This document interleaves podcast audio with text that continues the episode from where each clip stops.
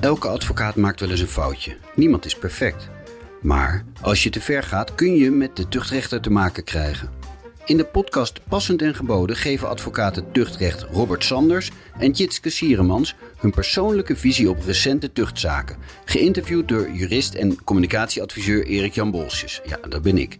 Waarom je dit wilt luisteren? Het is natuurlijk goed om te weten wat de grenzen zijn uh, voor een advocaat als het gaat om het tuchtrecht. Je hebt allemaal gedragsregels, je hebt kernwaarden. En ik denk dat je elke week wel een situatie meemaakt waarvan je denkt: hmm, hoe zou ik hier kunnen handelen?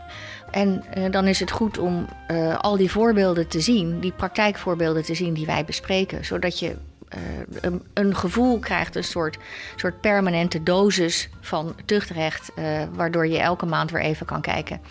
Uh, waar zijn zij tegenaan gelopen en uh, hoe zou ik dat doen? We gaan in vogelvlucht langs recente tuchtrechtszaken, duiken dieper in een paar bijzondere zaken en bespreken een echte tuchtrechtklassieker. Passend en geboden is je maandelijkse portie tuchtrecht op een presenteerblaadje met een duidelijk doel. Je hebt in, als advocaat in de dagelijkse praktijk met zoveel uh, dilemma's te maken, met zoveel situaties waarbij je zegt: ja, hoe moet ik hier nou eigenlijk op de juiste manier optreden?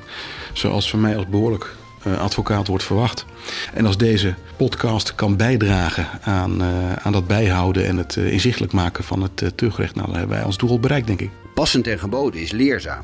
Dat blijkt uit deze zaak. Dat leren we hier dus van. Nou ja, dat het aanbeveling verdient om je geheimhoudingsplicht uh, zeer serieus te nemen. Passend en geboden is ook serieus. Maar het is geen zware kost. Nog even een kleine aanvulling hoor. Want, uh, Klein, nee, over, over, als je het hebt over advocaten die graag op tv verschijnen. In, in de oudere versies van de, van de gedragsregels, daar heb ik het over jaren 60, hè, was er nog een regel dat je alleen maar in de media mocht komen als advocaat met toestemming van de deken. Misschien moet ik die regel maar weer eens van stal halen. Ja, vind jij dat ook? Dat was in de tijd, dat, nou, dat was ook in de tijd dat je als advocaat geen reclame mocht maken. Ja.